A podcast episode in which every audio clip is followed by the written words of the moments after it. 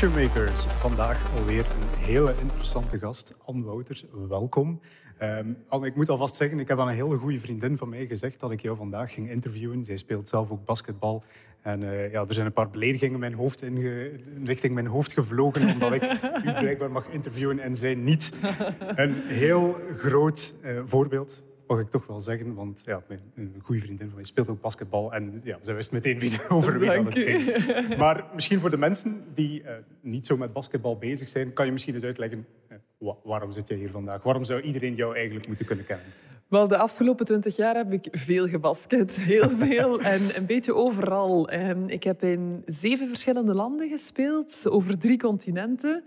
Dus vooral, um, ik heb eigenlijk altijd twee seizoenen gespeeld in één jaar. Wat eigenlijk een beetje ingewikkeld was voor de mensen om uit te leggen.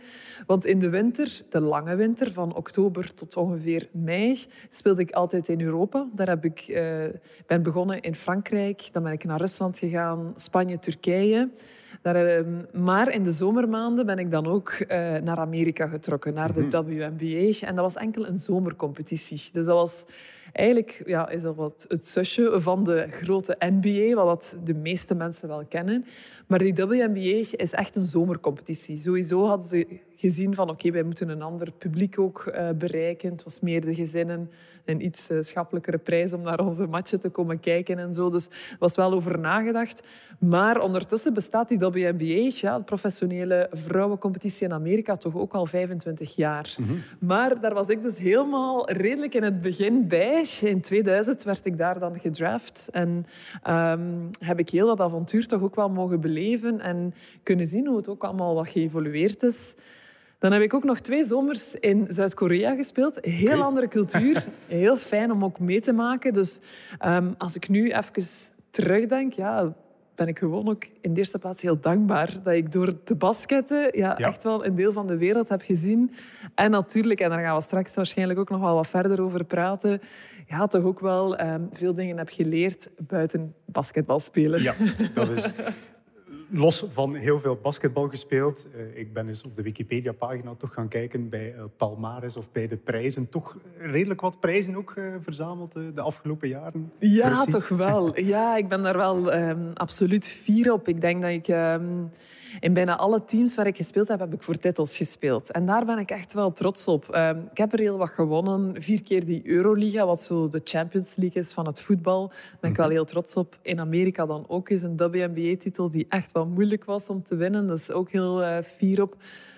Maar, en dat zeg ik heel dikwijls, er zijn ook finales natuurlijk dat ik verloren heb. En dat maakt ook wel echt wie dat je, ja, wie dat je bent, wie dat je wordt, het proces.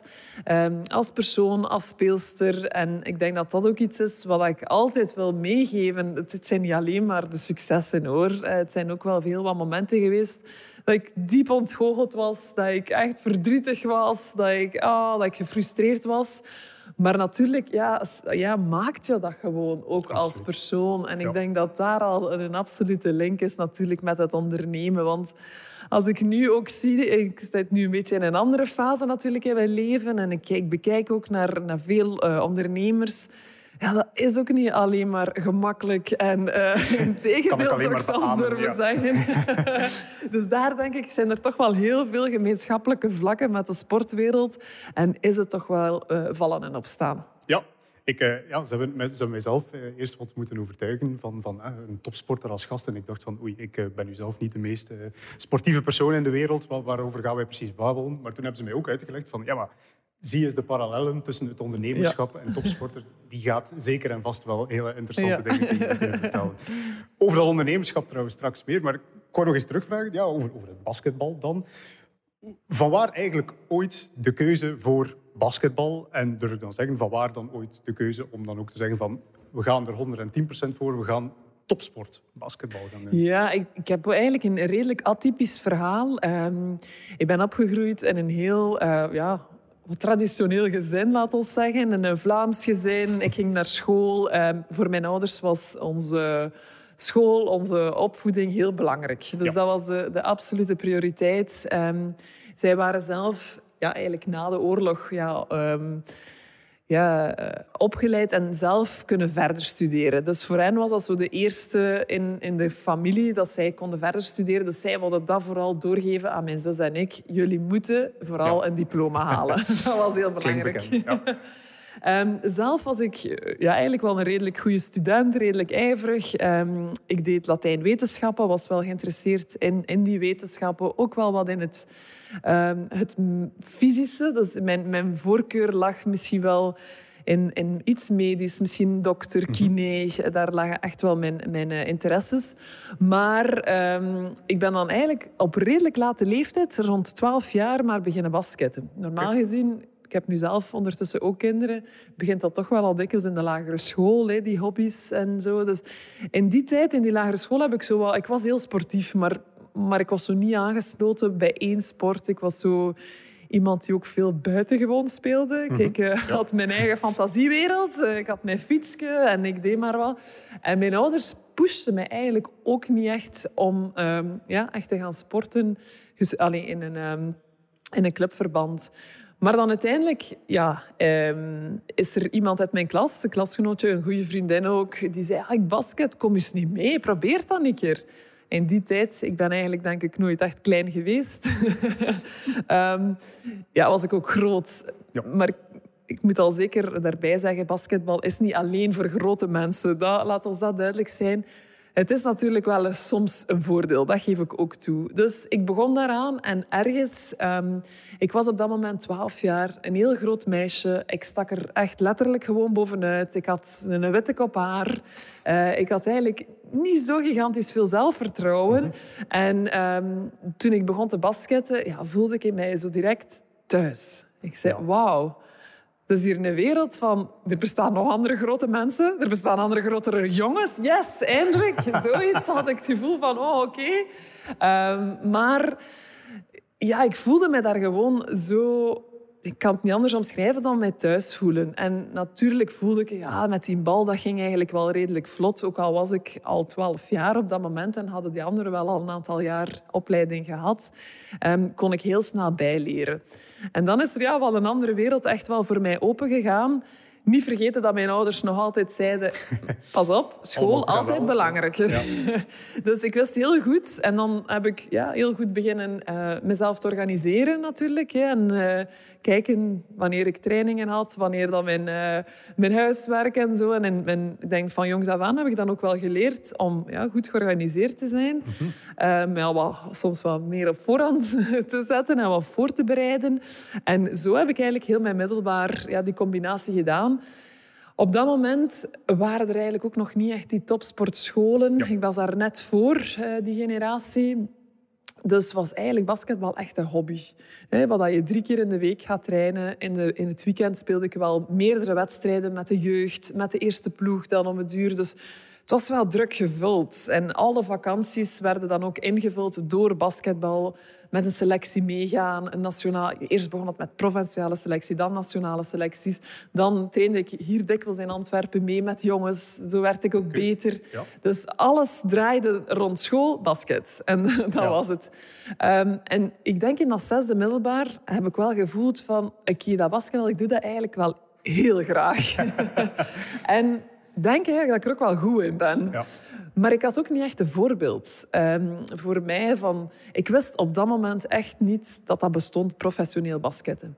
Uh, in België, we zei, was het altijd semi-professioneel. Je kon daar wel iets mee bij verdienen, maar eigenlijk de meeste deden ofwel nog studies of werkten tegelijkertijd wie in uh, eerste klasse speelde. En op dat moment had ik echt het gevoel, nee, ik wil iets meer daarvoor gaan. Ik wil iets meer doen. En dan was ik eigenlijk zo op, uh, een kruispunt, omdat ik wist dat mijn ouders natuurlijk school belangrijk vonden, had ik de keuze om naar Amerika te gaan, mm -hmm. om daar college te spelen en daar is echt wel ja, de combinatie, toch wel sport, topsport, uh, samen met studies. Dus dat was al heel moeilijk voor mijn ouders om hen daarin te overtuigen, omdat zij vonden, ja, als je dan terugkomt uit Amerika na die vier jaar college, heb je wel een, een Amerikaans diploma, maar dat gaat hier niet veel waard zijn. Dus dat waren hevige discussies. En op dat moment, als ik daar nu op terugdenk, denk ik, ja, heb ik toch al wat mijn karakter getoond. Ik was dan wel, wel de doorzetter. Ja, en ik moest ja, hen wel overtuigen. En ik zei, nee, nee, ik wil daar echt doen. Lang verhaal. En om to de clue te komen, in die zomer... Ik had eigenlijk beslist om naar college te gaan. Is in, de, in die zomer, na mijn zesde middelbaar, een Franse ploeg, Valenciennes, Noord-Frankrijk, eigenlijk helemaal niet ver. Europese top in vrouwenbasketbal. Ik had daar nog nooit van gehoord. Het is komen aankloppen. En die coach zei, kom al eens meetrainen met, met ons. En je ziet dan wel of dat misschien voor de toekomst. En ik dacht, ja oké, in die zomer had ik dan toch niet meer echt nog andere dingen gepland. Mijn ouders voeren mij naar Valenciennes. En natuurlijk valt dat heel goed mee. Na drie weken zegt die coach, ja, eigenlijk, je kan meespelen. Je hebt het niveau al, je, krijgt al, je kunt al speelminuten krijgen, je krijgt een professioneel contract. En dat was nog altijd in de illusie een beetje, om die combinatie dan toch nog met eventueel een Belgische mhm. universiteit te doen. Dus dat vonden mijn ouders natuurlijk een veel betere keuze dan ver naar Amerika te trekken. Dus heb ik dat dan ook gedaan. Uh, dus ik moest nog 18 jaar worden. Mijn ouders hebben dat contract uh, nog getekend. Mijn allereerste professioneel contract. Dus dat is eigenlijk allemaal zo snel gegaan. 18 jaar, ja. En um, ergens ook een beetje een tikkeltje geluk. En ik zie dat dat in ondernemerschap soms toch ook wel een keer nodig is. Dat je mhm. juist op het juiste moment op de juiste plaats bent en de juiste mensen ontmoet. Wel, zo vind ik dat ik daarin toch ook een klein beetje geluk heb gehad om in Valenciennes terecht te komen in een ploeg die al heel professioneel was. Die speelde aan de top in Frankrijk. Die speelde al Euroliga, de Europese top in Europa. En daar ben ik dan als 18-jarige direct in, in ja, terechtgekomen. Waar ik een enorme natuurlijk evolutie heb gemaakt van eigenlijk meer het amateurs basketbal dat ik deed hier in België, direct in een professionele structuur terechtgekomen. Dus dat is zo, ja, eigenlijk op, op die zes jaar dat ik eigenlijk maar basketten in, in België, is er dan wel heel veel gebeurd op korte tijd. Wauw. Ja, lang verhaal, sorry. heel, nee, het was een zeer interessant verhaal vandaar. Uh, ja, ik, ik, ik, moet al zeggen, um, dus, dus uiteindelijk dan geen college basketbal gaan doen, maar uiteindelijk wel uh, terug naar Amerika. Maar ben er geraakt in Amerika. Uh, ja, ik, ik, ik denk toch wel een beetje de, de grote droom nog altijd. Of, of ja, ik, ik ken de, de Amerikaanse basketbal uit de videospelletjes en uit de films natuurlijk. Dus voor mij is dat, uh, is, is dat dan echt nog een grote sprong in niveau? Toch wel, ja. En dan um, gebeurde er, na die twee jaar Valenciennes, werd ik inderdaad gedraft. En gedraft is, uh, in Amerika wordt de sport toch wel een klein beetje anders georganiseerd als mm ons. Juist omdat ze die college uh, sporten hebben, ja. worden in heel wat competities, zoals NBA, maar ook in baseball en uh, eh, NFL, wordt zo een draft georganiseerd. Waarin dat ze, um, eigenlijk het principe daarachter vind ik heel mooi. Omdat ze de competitie willen ze in evenwicht houden. Mm -hmm. Dus de ploeg die het vorig jaar het slechtste heeft gedaan, die mag als eerste gaan kiezen. Van alle ja, talentrijke jongeren die er dan zijn, die dan afgestudeerd zijn uit college. Dus eh, het, het principe daarachter is heel mooi, om zo een soort evenwichtige competitie... Het is natuurlijk theorie, maar in de praktijk vind ik dat wel eigenlijk redelijk goed. En... Um, daar werd ik dus gedraft als nummer één dan nog wel, wat dat ook wel een redelijke eer was. En op dat moment wist ik daar echt niks van. Ik was ook totaal niet voorbereid. Er waren ook heel veel, weinig mensen. Dat was, ik denk, de eerste keer dat er eigenlijk iemand um, ja, mij hielp, die zo agent of makelaar was. Maar dat was allemaal ja, redelijk amateuristisch, als ik dat mag zeggen. Die, die, had mij ook totaal niet echt voorbereid. Ik weet dat ik in een studio zat in Brussel, omdat ik natuurlijk niet eh, kon overgaan naar Amerika, omdat ik nog speelde in Valenciennes op dat moment. En daar ineens ja, een live connectie, uh, connectie. En ik word daar als eerste gekozen. Mijn Engels was, als ik dat nu terugzie, schaamtelijk gewoon. um, Ah ja, ja, er is weer een, nieuw avontuur dat er begint. Dus dat was wel een periode... Ja, ik vond dat super. Dat was van, wauw, ik mag naar Amerika gewoon gaan. En dat heeft toch wel een grote indruk nagelaten. Ik vertrok toen, eh, na het seizoen in Valenciennes, moest ik hap, direct het vliegtuig nemen naar Cleveland dat was mijn heel klein hartje hoor. Uh, dat ik hier het vliegtuig nam in Zaventem. Ook ja, eigenlijk helemaal alleen ben ik toen vertrokken. Okay, ja, ja, um, niet goed wetende wie gaat er mij daarop pikken, waar ga ik naartoe. Wow, uh, allee, dat is allemaal zoveel vragen. En dan hebben ze mij als allereerste naar de arena, want dat is dan niet echt een zaal niet meer waar dat je in speelt, maar een arena. En was ik echt wel onder de indruk. En dan dacht ik, wat gaan wij hier in spelen? Een arena van 20.000 man. Die zat wel voor alle duidelijkheid niet volledig vol voor ons. Maar toch, het was indrukwekkend natuurlijk om in zo'n grote arena's te kunnen spelen. En ehm, daar heb ik heel veel bij geleerd. Die zomer was waarschijnlijk de moeilijkste en hardste zomer die ik heb meegemaakt in mijn carrière. Omdat tot dan toe heb ik het gevoel dat alles wel redelijk vlot en redelijk smooth altijd ging. Ehm, die overstap van, vanuit België naar Valenciennes, ik noem dat een beetje mijn ja, studentenleven, mijn kotleven. Ineens moest ik ook zelfstandig wel leven. Maar mijn ouders, mijn zus waren toch nog altijd redelijk dicht. Die kwamen nog in het weekend. Dus dat was allemaal toch nog redelijk vertrouwd. Ook al was het een hele professionele club, daar was toch nog iets familiaal aan. Er was toch nog uh, vriendschappelijk aan. En dan kwam ik in Amerika terecht. Oh, dat was toch wel iets harder. Um, Veel meer ook ten eerste concurrentie binnen de ploeg, waar ik nog nooit echt mee te maken had gehad. En ik heb dat ook later ook veel meer maar beseft dat echt wel vechten was voor uw plaats. Um, een plaats betekende daar ook voor veel andere speelsters ja, een job, letterlijk. Een inkomen. Een inkomen om voor hun familie te kunnen zorgen. En ja, daar heb ik, komende uit een ja, gewoon traditioneel gezin in Vlaanderen, nooit ene zorg over gehad van, ja, is er hier geld om eten te kopen? Allee, dat was gewoon nooit in mij opgekomen. Terwijl dat wel, ja, wel speelsters waren met soms een, een andere achtergrond. En dat was bikkelhard. Bikkelhard. Fysisch natuurlijk. Um, ik was heel groot, maar ik was ook redelijk tenger gebouwd. Dus ik moest ook, dat wist ik, dat dat een van mijn zwakke punten was. Ik moest daarop werken, ik moest sterker worden, fysisch. Maar eigenlijk ben ik daar ook vooral sterker geworden mentaal. Oké. Is, ik probeer me dan voor te stellen, is dat dan een heel internationaal publiek die dat toekomt? Is de wereld echt, uh, komt het basketbalspelende wereld tezamen in, uh, in de VS? Of, of, is het echt nog een uitzondering? Om ja, op dat moment, ik spreek over, ik durf het bijna niet zeggen, meer dan twintig jaar geleden. Uh, ja, rond de jaren 2000. Het klinkt minder lang, het is, het is rond 2000. 2000. ja, ja, dat is vijf jaar geleden of zo. was dat nog redelijk uitzonderlijk. Hè? Waar, was er heel weinig internationaal. Nu um, heb ik die evolutie gezien, vooral in de NBA, dat het heel internationaal geworden is. In WNBA ook wel, maar toch nog op, in mindere mate. Dus het blijft toch wel heel Amerikaans. Uh, dus het blijft absoluut zeker een eer om, om als Europese, om als Belgische daar uh, te kunnen meedoen. Ja, toch wel.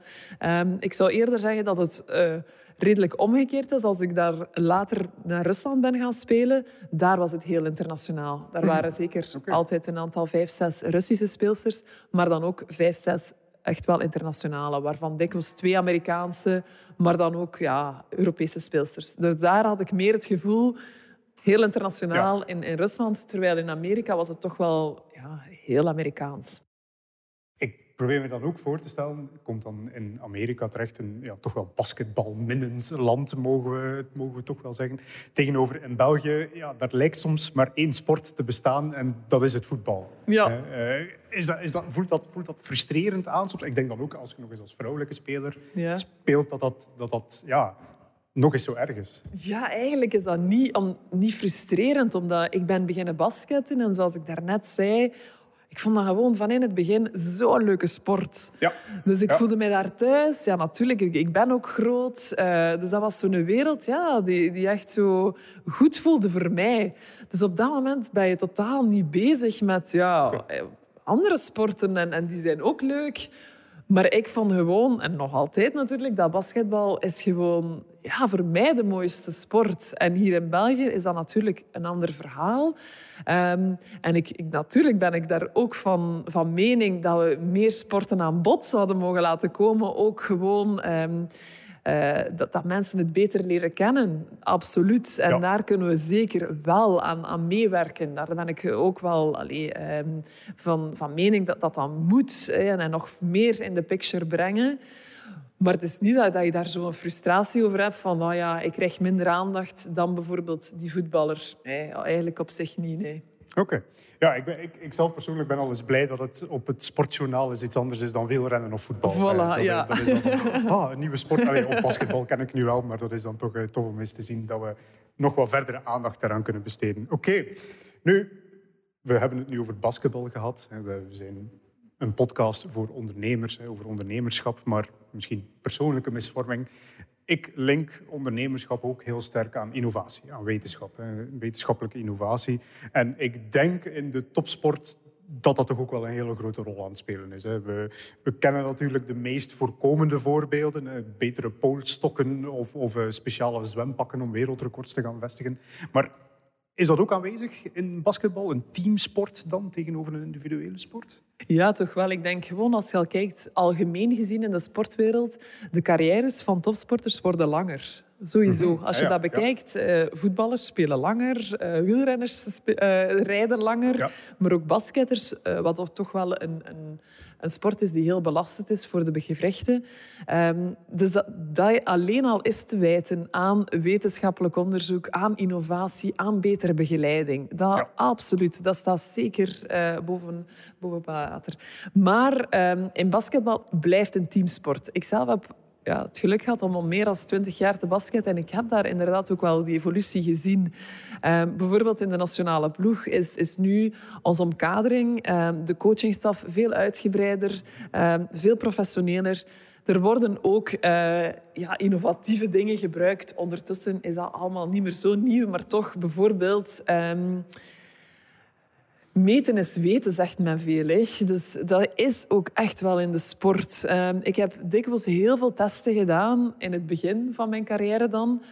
En dat, dat vond ik dan meestal het frustrerende eraan dat, dat werd niet gekoppeld aan, aan een specifiek programma of zo. Dus je, je deed gewoon een test voor een test. En dat vond ik niet tof natuurlijk. Terwijl dat nu worden die metingen veel regelmatiger gedaan. Bijvoorbeeld, mm we hebben altijd, iedereen kent wel de Polars, die ondertussen heel veel gebruikt worden.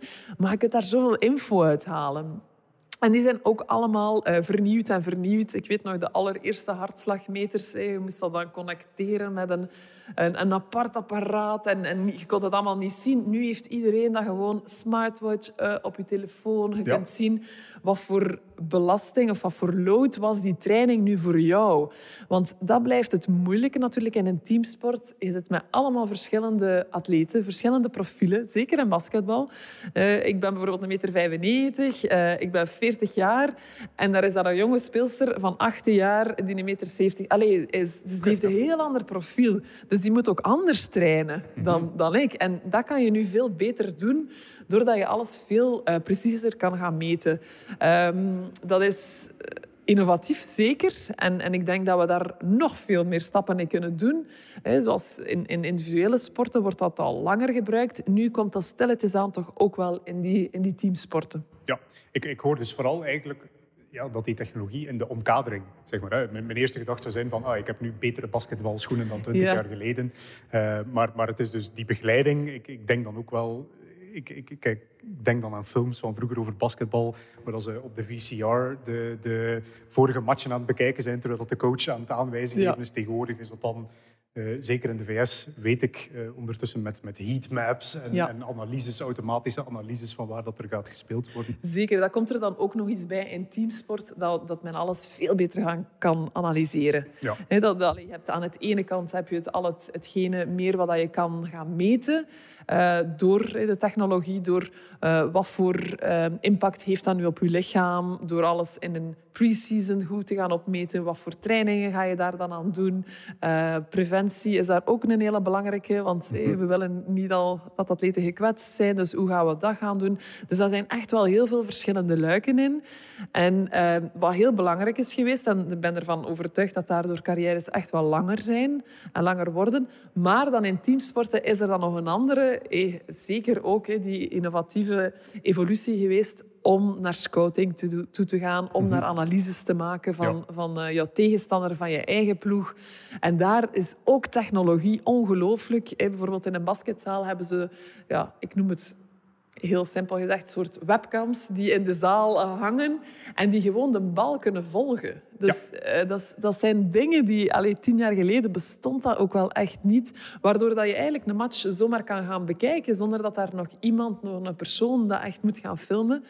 Um, dat kan ook heel hard gebruikt worden natuurlijk voor uh, trainingen. Dat de coach achteraf kan gaan bekijken. Uh, en dat is natuurlijk heel interessant om te zien of uh, de tendencies, hoe dat wij dat noemen, de gewoontes van spelers. Hè. Uh, mm -hmm. Als iemand dikwijls gaat uh, rechterdribbel, pull-up en shotten. Allee, dat, dat kan je allemaal heel goed eh, gaan Ja. bekijken. Kijk, die scoort het meest vandaar. Duwt hij naar de andere kant. Eh allee, dat zijn allemaal dingen die wat al twintig jaar geleden ook gebeurden. Maar dat was iets meer... Ja, ehm, op het gevoel wel. En, en de coach die zal zo, ja, zoals je het eh, daarnet aangaf, hè, op een tv'tje moesten daar naar liggen kijken van, ah, kijk, ja, kijk, die gaan naar rechts. Maar nu is dat dus veel preciezer allemaal gemaakt. En maakt de technologie mogelijk dat je bijvoorbeeld, eh, ons scoutings, die worden niet meer afgedrukt zoals vroeger, maar je krijgt dat in een mooi eh, formaatje op je smartphone. Ja. En dan ja, zijn daar zo wel, wel toch mooie evoluties gebeurd, ook in de sportwereld. Ik, eh, dat doet me denken aan de film, ik ben nu de naam even aan het zoeken, Moneyball, kan dat Ja. toevallig. Een heel fantastische film eigenlijk. Mooi. Ik, ik, ik heb zo de uitspraak ooit eens gehoord van eh, de Amerikanen zijn een volk die stiekem verliefd zijn op statistiek, maar het Ja. niet willen toegeven. Eh, dus, dus alles in statistiekjes schieten en op basis daarvan dan eigenlijk, ja, denk aan de populariteit van de fantasy sports daar. Absoluut. De e-sport is daar ook ja, echt wel Ik vind, dat, ik vind dat een enorm fenomeen eigenlijk. Want Amerika zou je nu niet echt daarmee gelijkstellen met, met een fascinatie voor de cijfertjes en voor de wiskunde. Maar Nee, dat is inderdaad in de laatste jaren enorm geëvolueerd. En je hebt daar nu die advanced eh, statistics. Allee, je hebt de normale statistieken die al jaren en dag bestaan. Maar nu hebben ze echt wel die advanced ge, ja, geïntroduceerd. Omdat je alles veel beter kan met de technologie. Kan, kan gaan meten, kan gaan analyseren. Ja. En dan maken ze daar inderdaad ook weer ja, een, een brugje naar die fantasy sports. Waar dat je dan je eigen ploeg kan samenstellen. Ja. eh, op basis van die statistieken. Ehm, ik ben natuurlijk ook fan van die statistieken, maar het is niet alles. En ik denk dat- we daar ook misschien nog over gaan vertellen, want in teamsport is er toch nog wel iets anders, ook dan statistieken, dat Voilà, belangrijk het gaat, is. Het gaat ook nog over mensen en, en de relaties tussen mensen. Dat is soms nog wat, eh, wat moeilijker te gaan koppelen. Absoluut. Goed, ehm, ja. Ondernemerschap, eh, innovatie hebben we dus nu al gehad. We het ons misschien nu eens hebben over ondernemerschap zelf. Eh, zoals daar straks aangegeven, mijn, mijn eerste reflex was van oei, ik ken niets over sport, waarover gaan wij precies gaan babbelen. Maar eh, ja, eigenlijk achteraf bezien, er zijn heel wat topsporters die eigenlijk ook ja, met ondernemerschap bezig zijn, die eigenlijk al meer merk dan atleet geworden zijn, als ik het zo durf zeggen. Dat, die, dat die echt al veel bezig zijn met het, de omkaderende sponsoring en weet ik veel allemaal. Is die, van, van waar komt die link eigenlijk? Is dat, is dat iets moet zeggen, economisch gedreven of komt dat eigenlijk inherent? Als topsporter ben je ook iemand die met ondernemerschap... Ja, ik denk dat je het daar goed aanhaalt. Eh, dat dat toch wel een evolutie is die we zien. Ehm, ik denk zo 20 of, allez, we gaan iets meer nemen, 30 jaar geleden waren sporters voornamelijk aanzien als, ja, dat zijn sporters en die moeten alleen maar sporten. Ja. En ik denk dat daar nu wel wat evolutie is gekomen van oké, eh, die topsporters die kunnen ook nog wel iets anders doen. En ik denk dat daar Amerika toch wel een voortrekker is geweest. Ze hebben dat heel snel ingezien dat die topsporters ook wel een, belang, een maatschappelijk belang kunnen hebben. En daar is het vooral mee gestart. Natuurlijk met wat sponsorships, hè, dat een voordelen ook is van bedrijven, maar ook natuurlijk economisch voordeel voor de sporter. Maar dan zag je toch ook wel meer in zowat de voorbeeldfuncties. Ehm, ik, ik denk zelfs in mijn beginjaren in die WNBA werden wij ook ingezet om naar, bijvoorbeeld naar scholen te gaan, om zo echt wel meer die sociale rol ook op te, op te nemen. Ik denk dat we dat veel minder doen hier in Europa. Dat begint nu een beetje te, te, te starten toch ook. Ehm, en dan begin je natuurlijk aan die personal branding hè, te denken. En dan ben je meer dan alleen maar ja, die persoon die die sport doet. Hè? Want je straalt wel iets uit, je hebt een boodschap dat je wilt ehm, meegeven. En vooral nu, de evolutie met, die, eh, met de sociale platformen je hebt de platform. Je moet niet naar traditionele eh, media gaan kijken om je boodschap eh, mee te geven. En dat, denk ik, kunnen heel veel verschillende sporters doen op hun eigen authentieke manier. Ehm, vooral de volgende generatie gaan inspireren. En ik denk dat dat juist een goede evolutie is. Het is soms gevaarlijk, dat geef ik toe. Hè, want eh, we kennen allemaal, hè, schoenmaker blijft bij je leest. Dat, dat je niet over alles en nog wat meningen moet gaan hebben. Dat, dat blijft een beetje het gevaarlijke. Je ziet dat heel goed nu ook, ehm, vooral deze zomer in Amerika, de NBA en zelfs ja, de WNBA toch ook, met de sociale protesten, met die Black Lives Matter. Ja. Eh, wordt ook heel politiek beladen. Dus dat, dat blijft een gevaarlijk terrein. Dat geef ik ook toe. Maar aan de andere kant vind ik, ja, we zijn ook wel personen. En als je echt achter iets staat, ja, waarom mogen het niet verkondigen? Uh, en dat denk ik heeft vooral LeBron James, ik denk dat dat daar toch wel echt een heel mooi voorbeeld van is, toch wel echt op zich genomen. Door ja, die protesten ook wel wat te leiden natuurlijk, maar door te zeggen van we willen meer dan enkel woorden. want eh, sporters kunnen wel een keer lawaai maken. En dan denken ze, ja, dan gaan we wel weer liggen. En dat vond ik heel mooi uh, deze zomer. Vooral om te zien dat ze zeggen, oké, maar nu is het genoeg geweest. Wij willen ook acties zien. Of dat daar veel verandering in komt, dat blijft gevoelig debat. Hè. Maar ze hebben natuurlijk niet alleen maar aan die alarmbel getrokken. En dat mhm. vond ik wel mooi. Ze wilden effectief acties zien. En ze hebben zich daarvoor verzameld. Ze hebben daarvoor gaan samenwerken, bijvoorbeeld in Amerika, om ehm, in, in wijken waar het bijvoorbeeld heel moeilijk is om te gaan stemmen, uh, waar dat ze de drie bussen moeten nemen, waar dat ze vijf uur moeten wachten, om daar bijvoorbeeld andere stembureaus te gaan inrichten, dat dat toch gemakkelijker ging zijn, dat iedereen een stem kan uitbrengen. En dat, dat, dat bedoel ik met die acties, dat niet enkel woorden waren. En dat vond ik wel mooi deze zomer, uh, om dat te zien. Um, aan de andere kant ja, is er ook wel een economisch voordeel aan. Hè? Dat geef ik ook toe. Maar als je dan nog een keer terugkomt naar het voorbeeld van LeBron James, hij heeft ook een hele school bijvoorbeeld opgericht. En dan koppel je daar toch ook wel weer wat maatschappelijke aan. En dan denk ik, ja, die, die mens is toch wel bezig. Die heeft een visie. Die is natuurlijk heel hard bezig met zijn sport en die wil graag een, een ongelooflijke legacy nalaten. Maar die is toch ook wel bezig om veel verschillende rollen uit te bouwen. Hè. Daar, hij, is, is, hij is vader ten eerste. Is, zijn zoon is, eh, is nu ook bijna eh, klaar om in die NBA te gaan spelen. Die is hij zeker aan het, aan het coachen ook al. Hij heeft een school opgericht. Hij, hij leidt toch wel wat sociale uh, ja, die protesten. Maar hij is ook een businessman. Ja. En daar komt het ondernemende in voor. Dat denk ik dat we meer beseffen van... Oké, je bent bezig met je sport. Absoluut.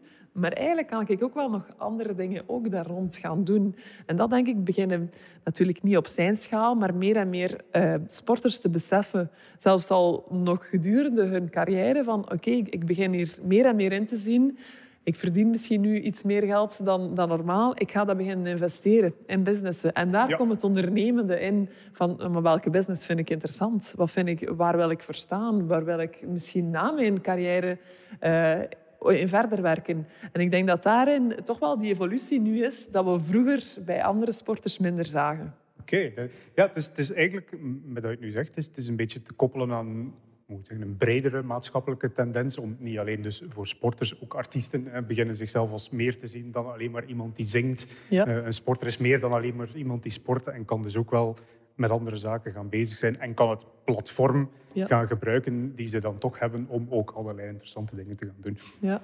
Leuke, ja, ja, leuke inzicht. Nu, als we dan gaan kijken naar, naar ja, ondernemerschap, Ehm, heel interessant vond ik, ik heb ooit eens Sven Nijs aan het woord gezien, die ook praat dus over ondernemerschap. En de bedenking die ik mij dan maakte, terwijl ik mij aan het voorbereiden was hiervan, het is misschien wel een interessant verschil. Een, iemand die gewend is om in een team te spelen. We moeten trouwens straks ook nog eens praten over wat jij persoonlijk doet met ondernemerschap. Dat, dat valt er nog eventjes tussen. Ehm, maar iemand die een team speelt, en dus de link met ondernemerschap legt tegenover een individuele sporter, die heeft daar misschien een iets andere kijk op, of een andere adviezen te geven. Ja, ik denk dat er, er zijn zeker gelijkenissen en verschillen. Ik denk sowieso, uh, individuele sporters um, gaan ook altijd praten over een team.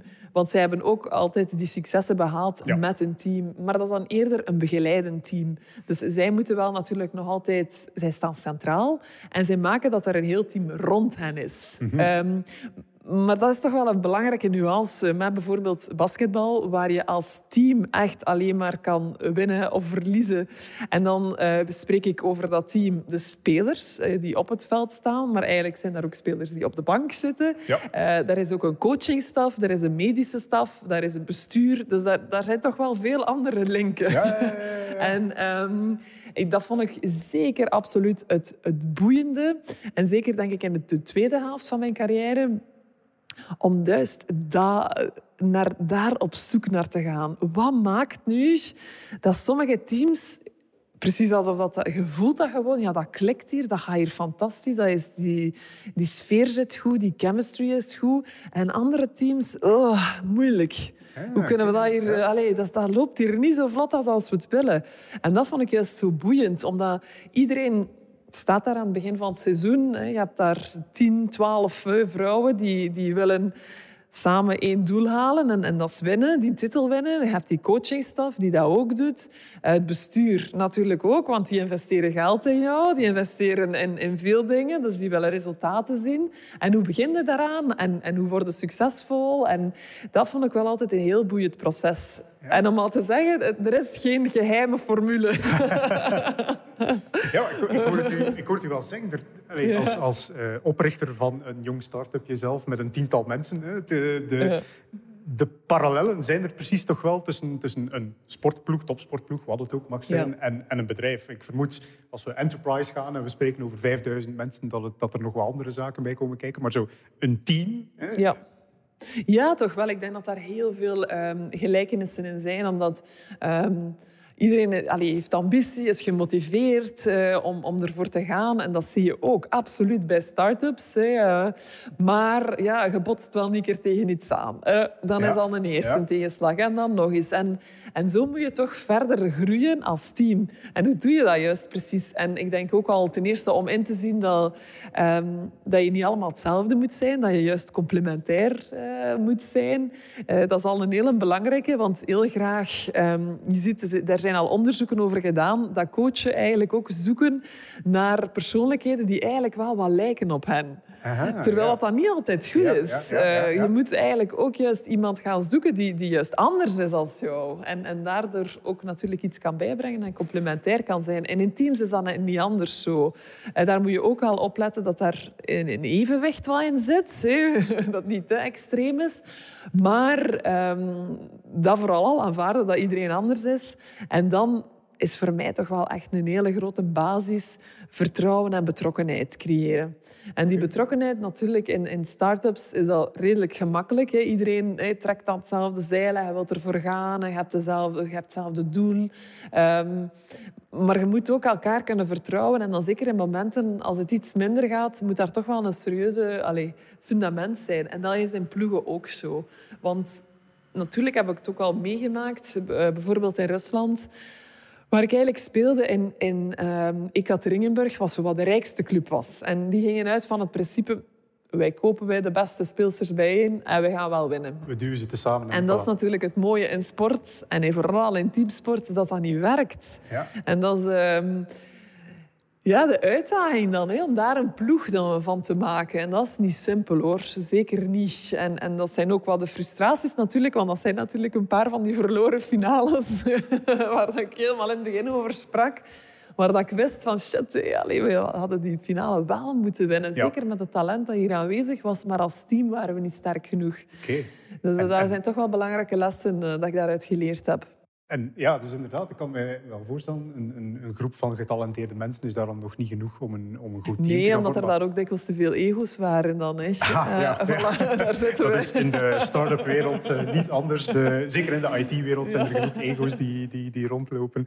Uh, en, en ja, misschien nu om, om eventjes het bruggetje te maken naar wat je zelf doet in, in het ondernemerswerk. Jij geeft ook coaching daar rond. Is, hoe begin je eigenlijk aan, aan een goed team? Ik heb zo'n beetje de, de, de chance gehad dat wij met een hoop gelijkgestemde individuen samengezet zijn en dat vlot wel allemaal goed. En, en af en toe doen we een keer een babbel en er zijn niet te veel conflicten en zo. Maar ik kan me wel inbeelden dat dat, dat dat niet altijd het geval is en dat je daar dan toch wel Nee, natuurlijk, ja, de, wat je net aanhaalt, is al een hele belangrijke stap. Hè, de juiste mensen samenbrengen. Hè. Mhm. Dat is natuurlijk al een eerste belangrijke.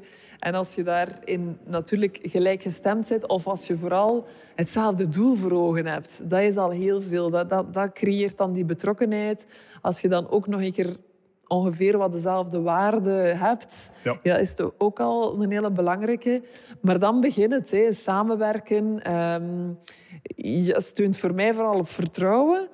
En dan, eh, wat je net aanhaalde, ook die conflicten, die mogen er wel zijn. Die moeten ook niet altijd eh, onder de tafel worden geschoven, want je kan daar juist uit groeien. Ja. En, en als, je daar, ehm, als er genoeg veiligheid, een veilige allee, omgeving is gecreëerd, dan durfde dat wel. Dan durfde dat wel zeggen aan iemand, nee, ik vond dat dit werk wat je gedaan hebt, dat was niet wat we hadden afgesproken. Allee, Nog altijd op een constructieve manier, maar als je dat kunt doen, dan ga je zien dat je als, als team ook nog enorme progressie kan maken. En dan, dan koppel je dat bijvoorbeeld ook aan, aan verantwoordelijkheden en elkaar daarop durven aanspreken. Hè? En, en niet zeggen, ja, ja, ik door de vingers laten passeren. Of, ja.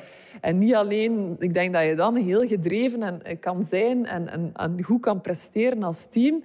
En dan blijf ik altijd bij eh, het, het, ja, het topje natuurlijk, dat, dat je ego af en toe aan de kant moet kunnen schuiven om altijd het teamresultaat natuurlijk voor ogen te hebben.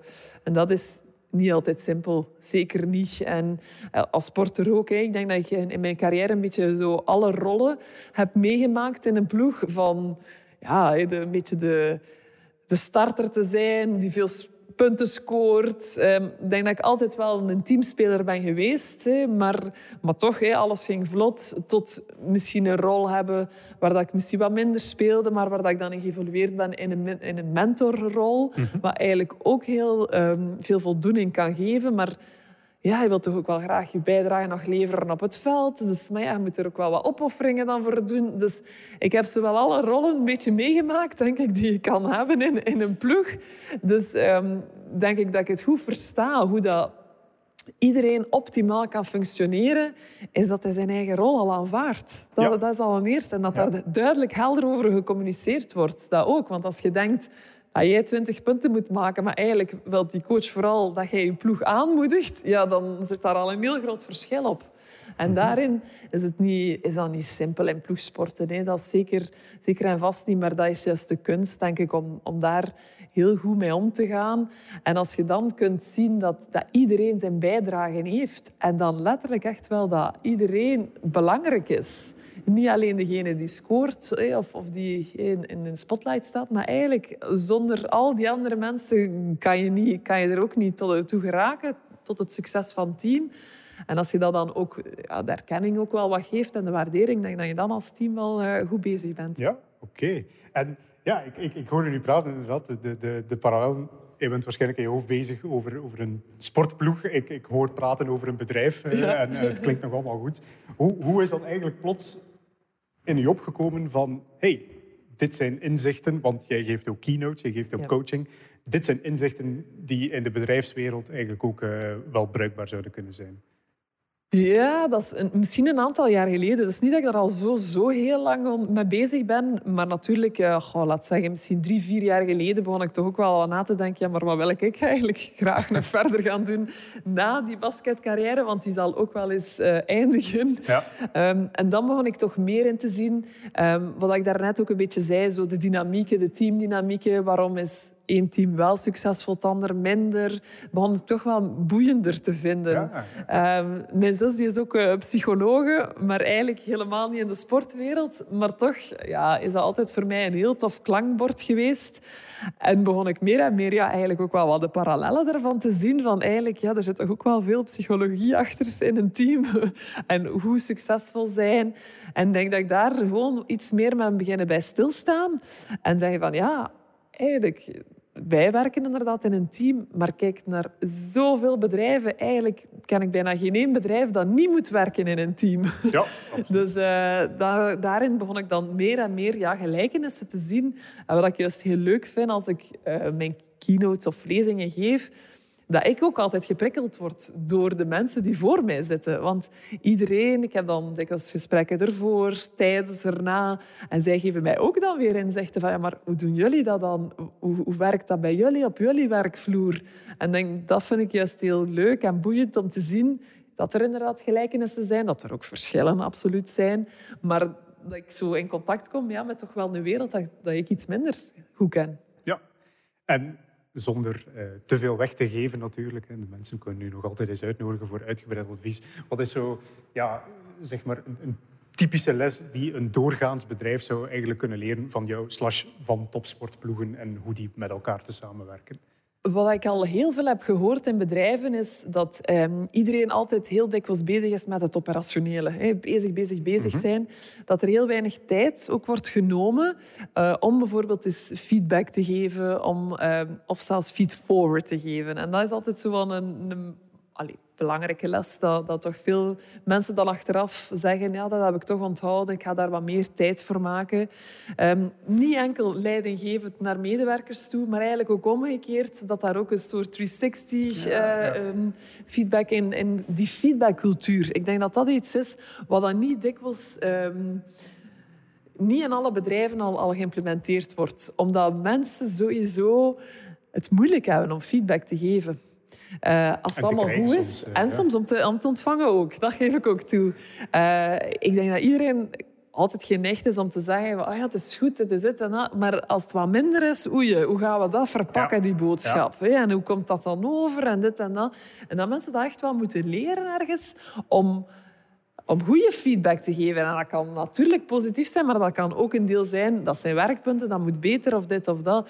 En dat is iets wat wij in de sportwereld wij vragen niet anders dan feedback. Mhm. Wij willen constant beter worden. Dat is iets van, als ik vandaag hierover spring, wil ik morgen een centimeter hoger springen. Allee, zo letterlijk is dat. Wij willen heel de tijd zoeken wij naar feedback. Geef het mij, geef het mij. Wat, wat, wat zie aan mij? Wat, wat kan ik beter doen? Dit, dat. Um, en dat is iets, die cultuur die zit er zo hard in we doen dat ook letterlijk. We kunnen onze tegenstander letterlijk op videobeelden analyseren. We kunnen ons eigen op analyseren. Uh, video, dat ligt gewoon niet. Eh, als jij denkt, en dat is soms echt wel waar in je hoofd is een actie bijvoorbeeld helemaal anders. En dan bekijkt je dat en denk je, oei, ja, oei, daar heb ik mijn werk precies toch niet zo goed gedaan. En, dan zegt de coach, zie je wel. En dan denk je, oh, hij heeft gelijk. ah, in mijn hoofd was dat precies anders. Maar allee, dat is echt wel een cultuur dat daar gewoon in zit in de sportwereld. En dat is denk ik toch wel een belangrijke die, die de bedrijfswereld nog kan uh, overnemen. Oké. En ik heb ook je research gedaan, een beetje rondgekeken. Je praat ook veel over het, mentale aspect die komt kijken bij topsport. Is daar zo, ja, wat, wat heeft een topsporter nodig, zeg maar, op mentaal niveau om echt op topniveau te gaan presteren? Ja, ik heb daar ook al veel over nagedacht en, en toch ook wel wat boeken over gelezen. En dan kom je wel bij... Um, komt daarbij veerkracht uit. Of in het Engels hebben ze daar ook wel een, een beetje een, een, mooi woord voor, die grit. Want dikwijls grit, zeggen ze van, allee, van sporters van ja, die het karakter. Allee, we, kunnen dat zo moeilijk omschrijven. Wat is dat nu net? Die mindset. Ehm, waarom heeft de ene dat wel, de andere niet? Kunnen dat aanleren? Uh, of, of, of zit dat diep in u? En dat is de moeilijk. Ik heb daar ook niet het juiste antwoord op hoor. Maar je ziet toch wel dat heel wat van de echte topsporters dat die dat wel hebben. Hè? Die, dat, dat verlangen om altijd beter te willen doen, om door te zetten als het zo moeilijk is, om, om ook heel veel passie gewoon te hebben. Die dikwijls zich ook echt wel amuseren. Je ziet dat gewoon, van die, die hebben er plezier in. En dat is ook wel de sleutel om het lang te kunnen volhouden. Hè? En bij ondernemen is dat niet anders zo. Als je de moment dat je er niet meer echt plezier in hebt, maar dat worden lange dagen toch, hè? Ja. Ja, het is, het is, in de topsport denk ik dan van, er zijn zo heel veel momenten waarbij dat dan de eerste plaats halen het absolute doel is, maar er zijn 16 deelnemers, 16 ploegen of 32 of hoe groot dat de competitie ook mag zijn. En al die andere mensen, ja, die hebben verloren en moeten dus proberen om volgend jaar nog beter te gaan doen. Dat, dat is iets die ja, in het ondernemerschap minder expliciet naar voren komt, maar denk ik wel zorgt voor een, een enorme hoeveelheid weerbaarheid ermee, ja, het niet slagen, tussen aanhalingstekens, is, is bijna inherent in sport. Hè. Er kan maar één de eerste zijn. Moeten met mijn Absoluut, ja, daar leer je absoluut mee omgaan. Ehm, met, met verlies, met uh, het niet slagen. En daar inderdaad, de weerbaarheid dat je daar toont, ehm, is, is heel belangrijk. En ik denk dat daarom sporters dat ook kunnen in een volgende professionele carrière, dat ze dat gewoon van nature mee hebben. Van oké, er is een tegenslag. oké, we gaan niet in zak en as blijven zitten. Nee, we gaan verder doen. Wat kunnen we beter doen? Hup, pagina omgedraaid. En Oké, niet altijd zo snel natuurlijk. Soms wel een keer vloeken. Ja, en, uh, ja. Maar, maar dat is wel absolute weerbaarheid die je moet tonen. Hè. En, uh, Hey, wat is het? Fall seven times, maar get up eight. Allee, dat, zo is het echt wel. Hey. En, um, dat is het, het, mooie aan de sport. Natuurlijk, hè, dat we heel graag de successen belichten, maar daar zit ook zoveel achter. En zoveel ontgoochelingen zitten daar ook wel achter. Is. Dus uh, dat is zeker iets wat, wat, wat meegenomen kan worden. Ja, dat is, dat is eh, denk ik wel een, een belangrijke Ehm, iets, iets dat, we, dat ik persoonlijk al gezien heb in het bedrijfsleven. Als alles goed gaat, dan, dan is iedereen gelukkig en dan is dat een perfect samenwerkend team. Maar als er bij, bij een tegenslag en als het dan even wat minder gaat, dan merkt je plots dat de dynamiek eh, verandert en dat, de, dat dat passie niet meer zo naar boven komt. En ja, denk ik, dat is toch wel iets waar dat we van zouden kunnen leren, zeg maar. Uh, ja, trouwens, de sirene daar straks, het is niet dat we ge geëvacueerd worden. We zitten helemaal in het centrum van de stad, dus dan uh, komt er wel af en toe een keer iets langs. Goed, um, ja, heel veel gepraat over ondernemerschap natuurlijk. Ik wou er nog één vraag tussen smijten, zeker en vast. Uh, we zitten nu met een nieuwe regering, nu toch al eventjes. het is niet meer zo actueel. Maar ik ben altijd benieuwd, ja, hoe denkt u als topsporter er tegenaan? Ook al als niet-voetballer slash wielrenner, de, de voornaamste behoeftigen typisch van als het over overheidsaandacht gaat. Welk advies zou u eigenlijk hebben voor, voor de minister van Sport of zo? Wat, wat zou er eigenlijk nog beter kunnen in België op sport slash topsportvlak? Oh, hoe lang hebben we dat? Ja. Nee. nee, ik ga proberen dat goed samen te vatten. Um, in de eerste plaats denk ik, er zijn veel verschillen in sport. Um, Daar moet je duidelijk uh, verschillen maken. Ik denk het recreatieve sporten is heel belangrijk, meer dan ooit. En zeker in een covid-crisis hebben we nog maar eens aangetoond hoe, hoe dat sporten belangrijk is. Sporten eigenlijk slash gewoon bewegen. Ja. En ik denk dat daar heel veel focus naartoe moet gaan. En vooral op het preventieve inzetten. Ik zou heel hard willen dat, dat de regering ook meer, nog, nog veel meer inzet in, in mensen te doen bewegen. Want ik mhm. denk dat dat echt wel de uitdaging wordt voor de volgende 10, 20 jaar. Um, dat is één punt. Dan heb je eigenlijk meer de georganiseerde sporten in België. Ik ben ook mama van drie kindjes. Ja. Die zitten alle drie in de lagere school. En dus ben ik weer terug een beetje in dat systeem terug van, hey, van de hobby's, van de clubs en zo. En dan denk ik altijd, allee, is er niet, geen efficiëntere manier om dit te organiseren? De sportclubs. Wat ik daarmee bedoel is, uh, ons kindjes zitten allemaal op onze scholen. Gelukkig, de lagere scholen zijn nog open nu. um, dan moet iedereen ze gaan halen rond vier uur. Vijf uur als ze in de opvang zitten. Dan moet je ze weer overal gaan rondvoeren naar hun hobby's. Um, is het voetbal, uh, basketbal, judo, zwemmen, turnen, het maakt niet uit. Maar er komt heel veel eigenlijk altijd bij de ouders terecht. Ja. Of dat ze dat kunnen, of dat dat uh, haalbaar is, gewoon um, om, om alles uh, ja, georganiseerd te krijgen. En dan denk ik altijd, allee, is er niet een ander systeem toch dat we kunnen doen dat die sport gekoppeld wordt, of zelfs nog meer, de hobby's, de tekenschool, muziekschool, dat dat toch weer wat ietsje meer gecentraliseerd wordt rond de scholen. Mm -hmm. Ja. Uh, is heel utopisch, ik weet het, dat is niet gemakkelijk om dat ooit... Uh, maar daar denk ik van... Dan zou alle hobby's... En wat dat heel belangrijk is, denk ik, in de ontwikkeling van kinderen, hè, zowel het, het culturele iets meer uh, als het sportieve en dan tegen zes uur is iedereen klaar. En dan kan het gezin gewoon nog een paar allee, kwalitatieve uren samen hebben in plaats van altijd alles gehaast te moeten doen. Um, ik heb daar ook al over na. hoe kunnen we dat doen? Maar dus, er is geen simpele oplossing, dat weet ik wel. Maar het is toch iets om over na te denken. In de VS, de after-school clubs zijn daar toch zo iets, iets meer ingebakken. Daar denk ik dat het toch... Zeker. En dan, denk ik, kan je ook zelfs gaan nadenken om, om sport en dan vooral de omkadering toch ook weer nog wat professioneler te maken. En daar, daar wil ik ook bij zeggen, als ik nu zie uh, trainers of coachen dat is zoiets wat je erbij doet. Dat is na je uren, mhm. na je job. Ja. ja. En, en dat zou toch wel wat een andere inzicht mogen krijgen. Dat, dat is echt wel een job. Alleen je zet je kinderen daar af. Je hebt daar wel vertrouwen in die persoon. En op dat moment is die persoon echt wel heel belangrijk in de evolutie en in de ontwikkeling van jouw kind. Als dat niet goed klikt, dat kind stopt onmiddellijk met die sport, dan gaat waarschijnlijk dat nooit niet meer doen. Er zijn zoveel voorbeelden van. Um, aan de andere kant, oké, er zijn ook persoonlijke voorkeuren. Hè. Je kunt het niet altijd uh, denken dat omdat je een trainersdiploma hebt, dat je het beter doet. Maar toch is er iets wat ik graag zou hebben, dat we dat nog meer gaan inzien. Hoe belangrijk dat, dat bewegen, sporten is, maar dat er dan ook wel wat meer nog professionaliteit naartoe moet gaan. Oké. En dan heb je een ander luik, topsport natuurlijk. En ik denk dat daar de Vlaamse regering toch wel met die topsportindex, met Sport Vlaanderen, toch wel goed georganiseerd bezig is. Het kan natuurlijk altijd beter. Er mogen altijd meer middelen komen, absoluut. En, en soms is het ook heel hard hè, tussen wie een contract krijgt, wie niet. Wie, de, wie eh, de, de normen haalt, wie niet. In basketbal en teamsport staan wij daar iets buiten, omdat wij sowieso ja, worden ehm, ja, betaald door onze ploeg, door onze club. Dus daar staan wij wat verder van. Maar toch zijn dat belangrijke ja, dingen, vooral voor individuele sporters, die dan toch wel redelijk wat financiële zorgen hebben. En dan denk ik van, vooral bijvoorbeeld een individuele sporter die, die, die gekwetst is, die een, een zware blessure heeft, ja, die kan die, die limiet of die norm dat jaar niet halen. Dus het volgend jaar verliest hij gewoon uh, zijn, of zijn of haar contract. En dan denk ik, is het niet juist op dat moment dat die sporters de hulp nodig hebben? Ja.